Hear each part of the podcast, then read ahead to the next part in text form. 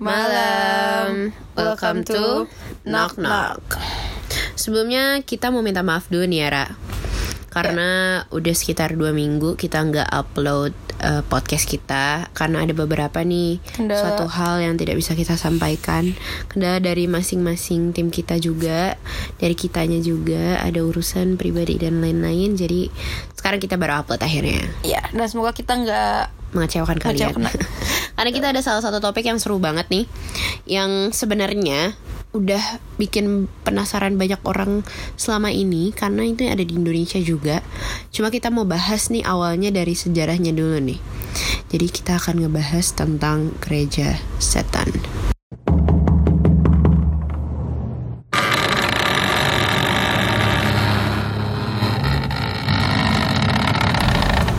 Oke, jadi untuk malam ini kita ada salah satu tema yang menurut gue tadi gue bilang itu sangat-sangat bikin orang penasaran. Karena kenapa? Karena ada beberapa orang yang di Indonesia ini yang udah sempat masuk ke aliran satanik yang kita bahas malam ini. Jadi sebelumnya Rara mau ngejelasin dulu tentang sejarahnya si gereja satanik ini ya Ra. ya. Awalnya sebelum dia sampai ke Indonesia nih. Benar. Awalnya gimana nih Ra? Sejujurnya Nat ya, Mm-mm. gue agak berat untuk ngebahas gereja setan ini Why? karena apa ya em, topik pembahasan tuh berat Em, banyak pro dan kontranya paham gak sih? Ya banyak opini sana sini. Iya itu dan apalagi em, berita tentang gereja setan, berita tentang gereja setan itu masih agak simpang siur. Yes. Dan bahkan orang-orang yang katanya pengikutnya pun kadang masih belum bisa ngasih bukti kalau lokasi gereja setannya itu tuh di mana. Ya, Iya kan? Cuma memang ada beberapa yang udah terbukti tapi bukan di Indonesia. yang udah terbukti tempatnya ya bener-bener kayak Iya. dia langsung ngasih unjuk tempatnya tuh di sini. Ini tempat saya eh, beribadah, gitu. beribadah. Iya kasarnya kasarnya beribadah dan beribadah. Bahkan ada yang melakukan wawancara eksklusif di tempat gereja setannya langsung. Salah satu media pernah melakukan itu. Nah, kita ingin ngebahas dikit nih setelah kita survei-survei. Kita tuh udah melakukan survei nih seminggu sebelumnya kemarin. bahkan sampai apa penulis kita juga nyari-nyari datanya agak susah banget kan Mm-mm, karena memang agak tertutup banget nih informasi tentang mereka. Tapi kita berhasil dapet beberapa informasi yang walaupun kita belum tahu pastinya, tapi kemungkinan besar kita bisa dapat Dan- gambaran da- iya. gereja setan itu seperti apa. ya Ya, oke. jadi asal mula si gereja setan ini didirikan tuh oleh Anton Zander Lafay pada tanggal 30 April 1966 dan dan gereja setan ini tuh secara terang-terangan apa ya secara terbuka lah akhirnya mereka kayak Iya. publish dirinya iya itu pertama kali ya, di San Francisco oh San Francisco oke Nah, si Lafay sendiri ini tuh pernah nulis sebuah bukan pernah sih emang ini buku ini sebagai panduan untuk umat-umatnya. Nah, jadi dia menetapkan buku sendiri Iya. biar jadi kalau misalnya nanti ada bikin gereja- kitab sendiri lebih tepatnya. oh oke Dia jadi ngebikin kitab sendiri. jadi ketika nanti ada gereja setan yang kasarnya cabangnya nih Iya. bukan di San selain di San Francisco dia akan menganut buku yang sama Iya, panduannya kan. panduan kitabnya yang sama Ya, nama kitabnya itu nama kitabnya itu The Satanic Bible. oke Pertama kali dibikin pada tahun 1969, tiga tahun setelah diresmikannya gereja setan ini. oke itu. Nah, biasanya ikonik dari sebuah gereja setan itu ada patung, patung setan, aja iblis yang telah dibuat dan saat ini berada di Katedral Notre Dame, Paris di Paris. Oh, kayak gue pernah tahu deh kalau patungnya. Soalnya gue pernah lihat di TV-TV tuh kalau lambang-lambang satanik tuh biasanya ada kayak apa sih kayak kam- kepala kambing ya. Ya, Terus em, ada tanduknya. bukan kepala bukan kepala gandhi, eh, bukan kepala kambing, Nat. Jadi itu dia lebih ke wajah manusia campuran binatang. Oh, oke. Iya sih, hampir agak mirip ya sih. biasanya Iya, hampir orang kalau orang Indonesia biasanya nyebutnya siluman ya. Kayak agak kayak agak sil- siluman gak sih? Iya bisa bilang kayak gitu. Nah pokoknya ini pokoknya perpaduan antara manusia dan binatang dan itu ya dia bertanduk dua buah tanduk itu. Mm-mm. Terus dia posisinya tuh sambil bertopang dagu dan di punggungnya tuh ada dua sayap. Oke, oke, oke. Nah patung ini terbuat dari batu yang dinamakan patung setan itu. Juga pernah kok patung ini ada di film film si bongkok dari Notre Notre Dame ini. Kalau ada yang nonton tuh mungkin Iya. para pendengar podcast kita, kalau yang udah pernah nonton filmnya mungkin pernah lihat salah satu patungnya. Kalau nggak salah di film Annabelle juga pernah dari kalau nggak salah. film Annabelle. Iya, waktu si pendetanya mau ke gereja kalau nggak salah gue juga lupa apa inget sih. Pokoknya itu dia patung ini tuh sering banget muncul di film-film setan sih. Patung ini. Gue malah ya. seringnya kadang ngeliat Yunani Yunani film Yunani Yunani gitu, cuma bukan yang kepalanya kayak gitu, cuma kayak patung aja ada sayapnya doang sih. Itu Kepala. kayak cupid gitu, cupid. Oh ya Cupid ya biasa Iya, nyebutnya. orang. Cupid ya. Cupid apa Cupid sih nyebutnya? Pesan tau gue Cupid deh anjir. ya itu kita lagi serius nada. Oke, Oke. lanjut. Nah, tadi kan gue jelasin tuh ikonik dari si uh, gereja setan ini. Mm-mm. Dan si Anton Anton Zander LaVey ini tuh ngakui bahwa atau menyebutlah dirinya di organisasi tersebut tuh sebagai organisasi pertama yang ada di muka bumi. Jadi ketika belum adanya organisasi-organisasi lain yang berhubungan dengan gereja setan atau berhubungan dengan setan, maka yang pertama kali bikin kayak gitu. Oke, mereka pencetusnya gitu. Iya, si Antonin inilah pencetusnya. Dan secara buku, secara terbuka menyatakan mengabdi kepada penerimaan terhadap fitrah sejati manusia yaitu binatang, jasmania hidup di dalam kosmos dan resapi dan dimotivasi oleh kekuatan gelap yang, yang mereka sebut adalah setan. Oke, ngomong tadi cara ngomong lo kayak ini ya mbak-mbak di eh apa bukan mbak-mbak biasanya cewek-cewek yang ada di itu loh kalau gue naik kereta. tadi gue udah sempat serem gitu Ra, tapi pas lo ngomong cepet nge-rap gitu gue dengernya kayak agak lebih ke apa ya lebih ke mbak-mbak di itu yang di kereta yang kayak stasiun Manggarai gitu. jangan lupa bawa Iya, pokoknya intinya tuh eh, Sorry, sama sorry. seperti yang kita bilang, it- mereka ikonik banget sama ikonik banget sama binatang deh. Oke Jadi dia apa gabungnya binatang yang hidup dalam kosmos yang terus tapi dan dimotivasi oleh kekuatan gelap yang mereka sebut setan. Yes, itu dia tuh yang gue tunggu-tunggu. Diulang lagi. Oke, lanjut lanjut. Nah tapi mereka tuh cukup apa ya? Cukup pemilih lah bisa dibilang Pemilih dalam arti bukan pemilih sih apa ya?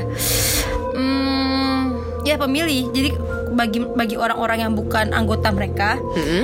mereka akan nuduh atau akan e, mengatakan bahwa orang-orang itu adalah orang-orang yang hidup dalam iri hati.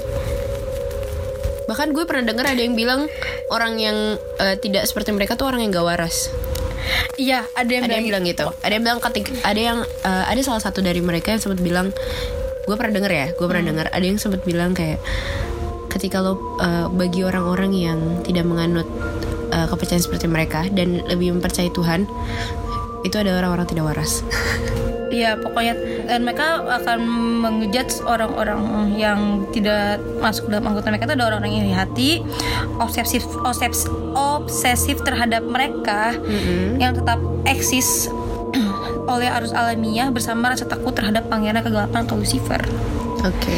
Jadi makanya mereka sebut tuh kalau mereka tuh adalah apa ya kaum asing yang terpilih dan elit.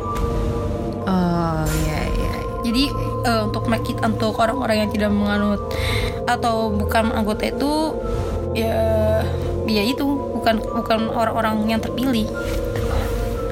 Bahkan mereka mengatakan Berarti bahwa mereka tuh kasarnya solidaritasmenya tuh kuat banget kuat ya. banget, kuat banget. Jadi ketika emang mereka menemukan orang yang bukan masuk ke organisasi mereka, ya mereka akan langsung merasa oke orang Ini itu bukan bukan keluarga gua atau apa ya, mungkin bukan kaum gua kayak gitulah. ya jadi kayak langsung langsung pandangan mereka tentang orang di luar kaum mereka tuh langsung beda, beda aja kayak gitu, ya bahkan juga mereka pernah eh, mengatakan bahwa kita para pengikut setan adalah Tuhan itu sendiri jadi Oh jadi mereka pengikut sekaligus Tuhan ya? Ya, gereja setan menyebarkan doktrin yang diciptakan Anton LaVey melalui tulisan, rekaman, dan video.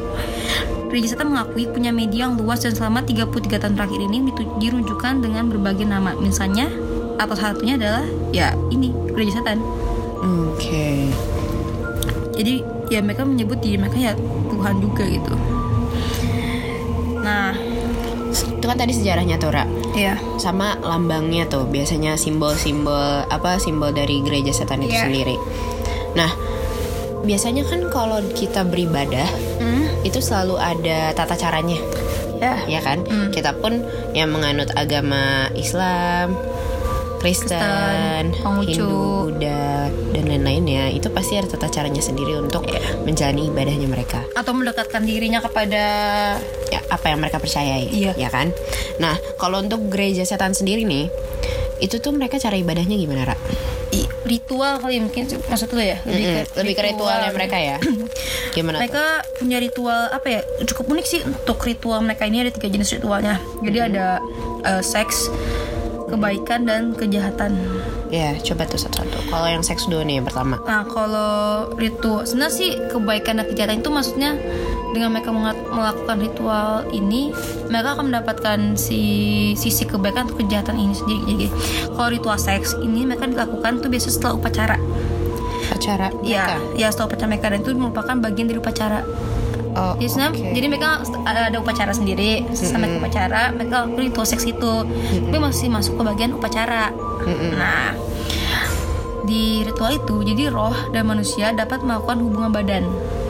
Oke. Bila roh itu berubah wujud, bila roh itu berubah wujud menjadi manusia, hanya hanya hal, ini hanya bisa dilakukan oleh Lucifer karena dia adalah malaikat menurut mereka atau mm, raja- apa sih pangeran kegelapan Mm-mm. ya kan Ada lagunya bukan sih Lucifer tuh?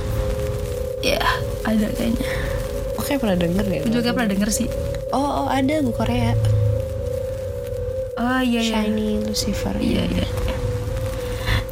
nah tapi beda nat beda halnya nih teman-teman beda halnya sama roh-roh lain roh-roh biasalah yang bukan termasuk apa ya malaikat gitu Di mata mereka. di mata mereka. Jadi mereka tuh harus minjem tubuh orang lain atau sebagai medianya mereka.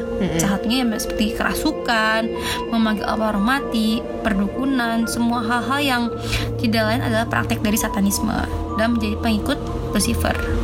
Pastinya balik ke Lucifer itu lagi ya. Balik ke Lucifer itu lagi kayak gitu dan itu deh apa namanya dari mereka melakukan itu semua eh, akan ketahuan maksudnya akan sebagai timbang atau tolak ukur kebaikan dan kejahatan mereka. Oh. Oke. itu eh, apa ya ritual dari mereka Atau cara ibadahnya lah Cara ibadahnya. kalau orang biasa nyebutnya ya. upacaranya mereka lah yang mereka dibilang tuh upacaranya mereka kayak gitu tiga itu dan oh ya untuk soal penerus dari gereja setan itu sendiri itu eh, akhirnya Anton Sila Anton LaVey itu udah udah tidak meneruskan lagi karena beliau tewas pada tanggal 29 Oktober 1997 Jadi pada tahun 97 Anton LaVey itu tewas. Kemudian digantikan atau diwariskanlah kepada Blanche Barton atau ya bisa juga disebut sebagai istrinya. Istri Oh. dari Anton LaVey ini. Menjadi penerusnya. Sampai sekarang berarti mereka pun turun temurun terus ya. Iya, turun temurun terus dari istrinya sampai ke anak sampai ke anaknya ada yang namanya Satan Serges Satan Serges Carnakila Feblacha itu agak ribet banget namanya dia juga menjabat sebagai kepala administrasi gereja setan selama 14 tahun terakhir. Oh. iya. Pokoknya benar-benar turun temurun turun temurun kayak gitu. Bahkan ya selama dulu nih sama hidupnya si Anton LaVey ini dia tuh Mm-mm. Uh, pernah ngangkat banyak anggota kependetaan Mendes sebagai pengacara iblis. Tugasnya ngapain ya tuh kalau untuk pengacara iblis ya? Ku- uh, jujur gue kurang tahu pastinya tuh tugasnya kayak gimana. Mm-mm. Uh, dan juga yang pasti dia tuh uh, apa ya? Mungkin ya, mungkin ini sih pendapat gue tapi gue nggak tahu pastinya. Pengacara iblis tuh lebih Oh, malah gue ngebayanginnya ya mungkin pengacara pengacara untuk setiap umat-umatnya kali ya Oh, oke Iya oke nggak sih? oke oke. Jadi yang ngedampingin setiap iya umat-umatnya. iya gue mikirnya sih kayak gitu Mungkin ya. mungkin tapi Bisa gue kurang tahu soalnya gue gue waktu nyari tentang info pengacara iblis ini dan penulis kita juga nyari nyari itu nggak nemu belum nemu itu fungsinya buat apa. Tapi mereka berarti benar-benar suatu organisasi yang memang sudah dibentuk dengan kuat ya? Ya. Karena sampai ada pengacara, sampai penerusnya pun tuh jelas dari dari si bisa dibilang Antonio, ya Anton Anton LaVey Anton LaVey dulu, terus sampai ke istrinya, terus ke anaknya yang sampai ngejabat bertahun-tahun bahkan belasan tahun. bahkan tadi bilang mungkin ini organisasi yang jangka panjang Oke. entah sampai kapan mereka eh, akan berhenti gitu ngerti gak sih ini benar-benar jangka panjang terus bakal ada terus gak akan pernah berhenti Iya, mungkin Oke. Nah, kalau untuk eh, gereja setan sendiri nih, Ra, gue sih pernah dengar. Kalau kan sempet eh, cari-cari tentang sejarahnya nih. Hmm. Nah, Tadi dulu sebelum lu bahas apa yang pernah lu denger, gue mau nanya ke lu, lu pernah nyadar nggak lambang-lambang, lambang-lambang si gereja setan. lambang-lambang yang, eh, ya yang sering dipakai sama hal-hal berbau setan. Dan itu ternyata lambang itu pertama kali dibuat sama si gereja setan ini. Oh, jadi lambang-lambang yang biasanya dipakai buat kadang-kadang di film dan Iya, lain-lain itu kayak- awalnya tuh mereka yang bikin. Lambang 66 666 Iya. terus pentagram, terus bersud- apa bintang bersudut lima terbalik, Iya. yang ada gambar kepala kambing bertanduk duanya. Nah itu yang eh, ngebuat tuh si gereja setan ini. Oh, jadi mereka tuh bener-bener pencetus awalnya gereja setan, aliran eh, aliran satanik, sekaligus lambang-lambang yang mengartikan dan melambangkan satanik Dan sendiri. biasanya orang-orang menggunakan itu adalah pengikut dari gereja setan. Oke. Cuma kan sekarang udah sering jadi tren doang ya. Ada yang kayak pakai bajunya aja sih memang, Iya. karena kayak ada yang lihat keren gitu segala macam. Nah, itu artinya apa aja tuh Nah, ada lambang-lambangnya? makna-makna sendiri. Kalau 666 mungkin lu udah tahu lah ya artinya lambang dari setan atau iblis kan 666 Iya, sendiri. 666. Nah, kalau sudut bintang yang menggambarkan tanduk itu dia art bermakna eh, Lucifer. Jadi Lucifer itu sama tingginya dengan Allah. Oh, kayak agak kayak Tuhan ya, Iya.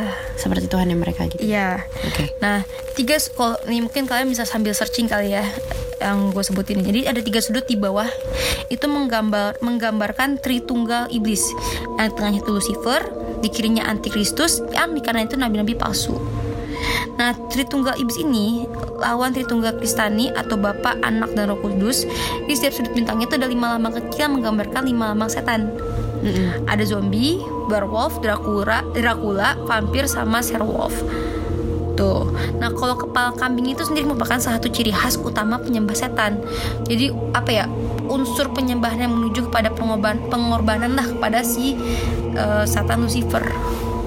Lambangnya si kepala Kambing ini. kambing ini Mm-mm. yang tadi gue sebutin ya, yang gue itu sering banget lihat. Ya, itu pengorbanan pada si Lucifernya itu. Oke, jadi gitu tuh arti-artinya ya Raya. Oh, berarti sekarang udah jelas nih ya. Mereka itu benar-benar memang pencetus awal dari lambang-lambang dan segala sesuatu yang berbau satanik.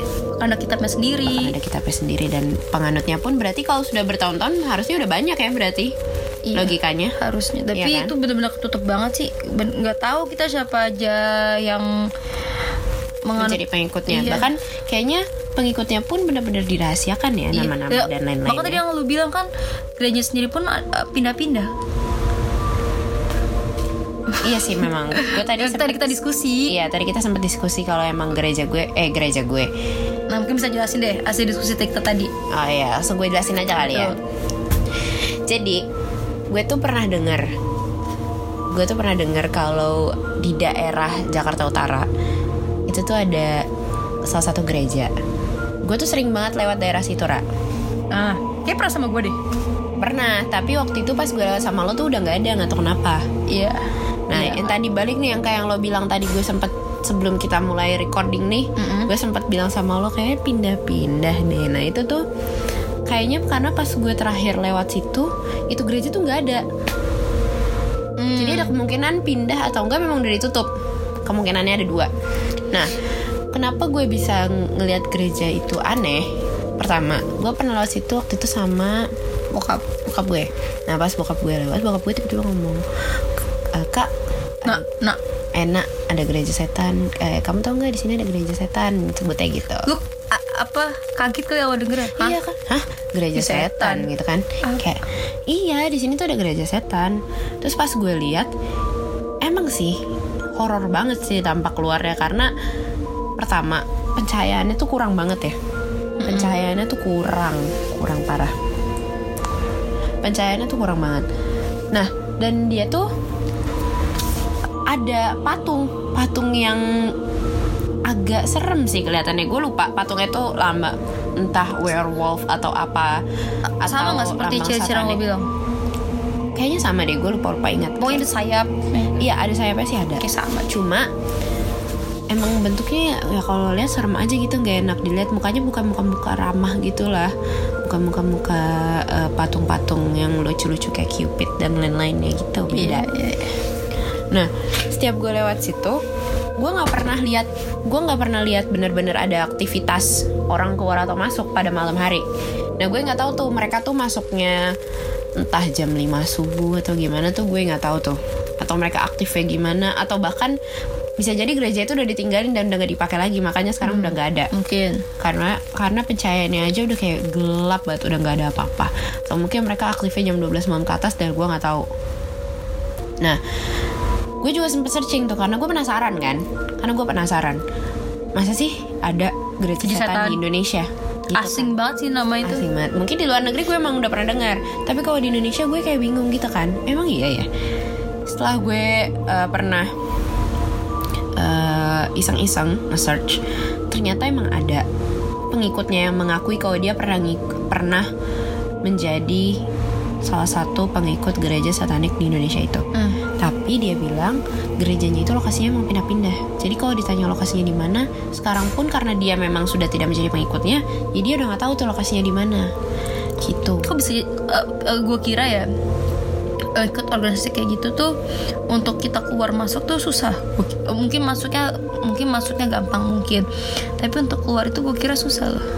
Tapi buktinya ada orang yang mengaku bahwa dia mantan dari anggota itu dan ya dia fine-fine aja. Ya. Nah itu masih simpang siur makanya itu kita bilang kita masih belum bisa ngepastiin banget nih gereja setan itu tuh sebenarnya tuh cara masuk dan keluarnya tuh gimana karena mereka tuh benar-benar agak sangat-sangat tertutup ya Hmm. dalam beberapa hal yang mungkin ya itu menjadi privacy untuk keanggotaan mereka aja dan organisasi mereka sendiri gitu. Nah, gue juga pernah denger nih Ra, beberapa sejarah tentang si gereja yang ada di Indonesia ini yang di daerah Jakarta Utara Jakarta, Jakarta Utara, Utara. tadi tuh yang Hmm. pernah gue lewatin tuh. Jadi katanya nih, gereja ini tuh awalnya tuh didirikan oleh seseorang yang bernama tuh Mongol. Mongol. Ya, nama dia Mongol. Jadi dia itu lahirnya si Mongol ini tuh tahun 1978 pada bulan September tanggal 27. Oh berarti setelah yang di tahun 66 berdiri tahun 78 dia lahir nih. Iya, dia lahir. Nah, si Mongol ini dia itu dari umur 11 tahun itu tuh dia udah mulai mengenal gereja setan.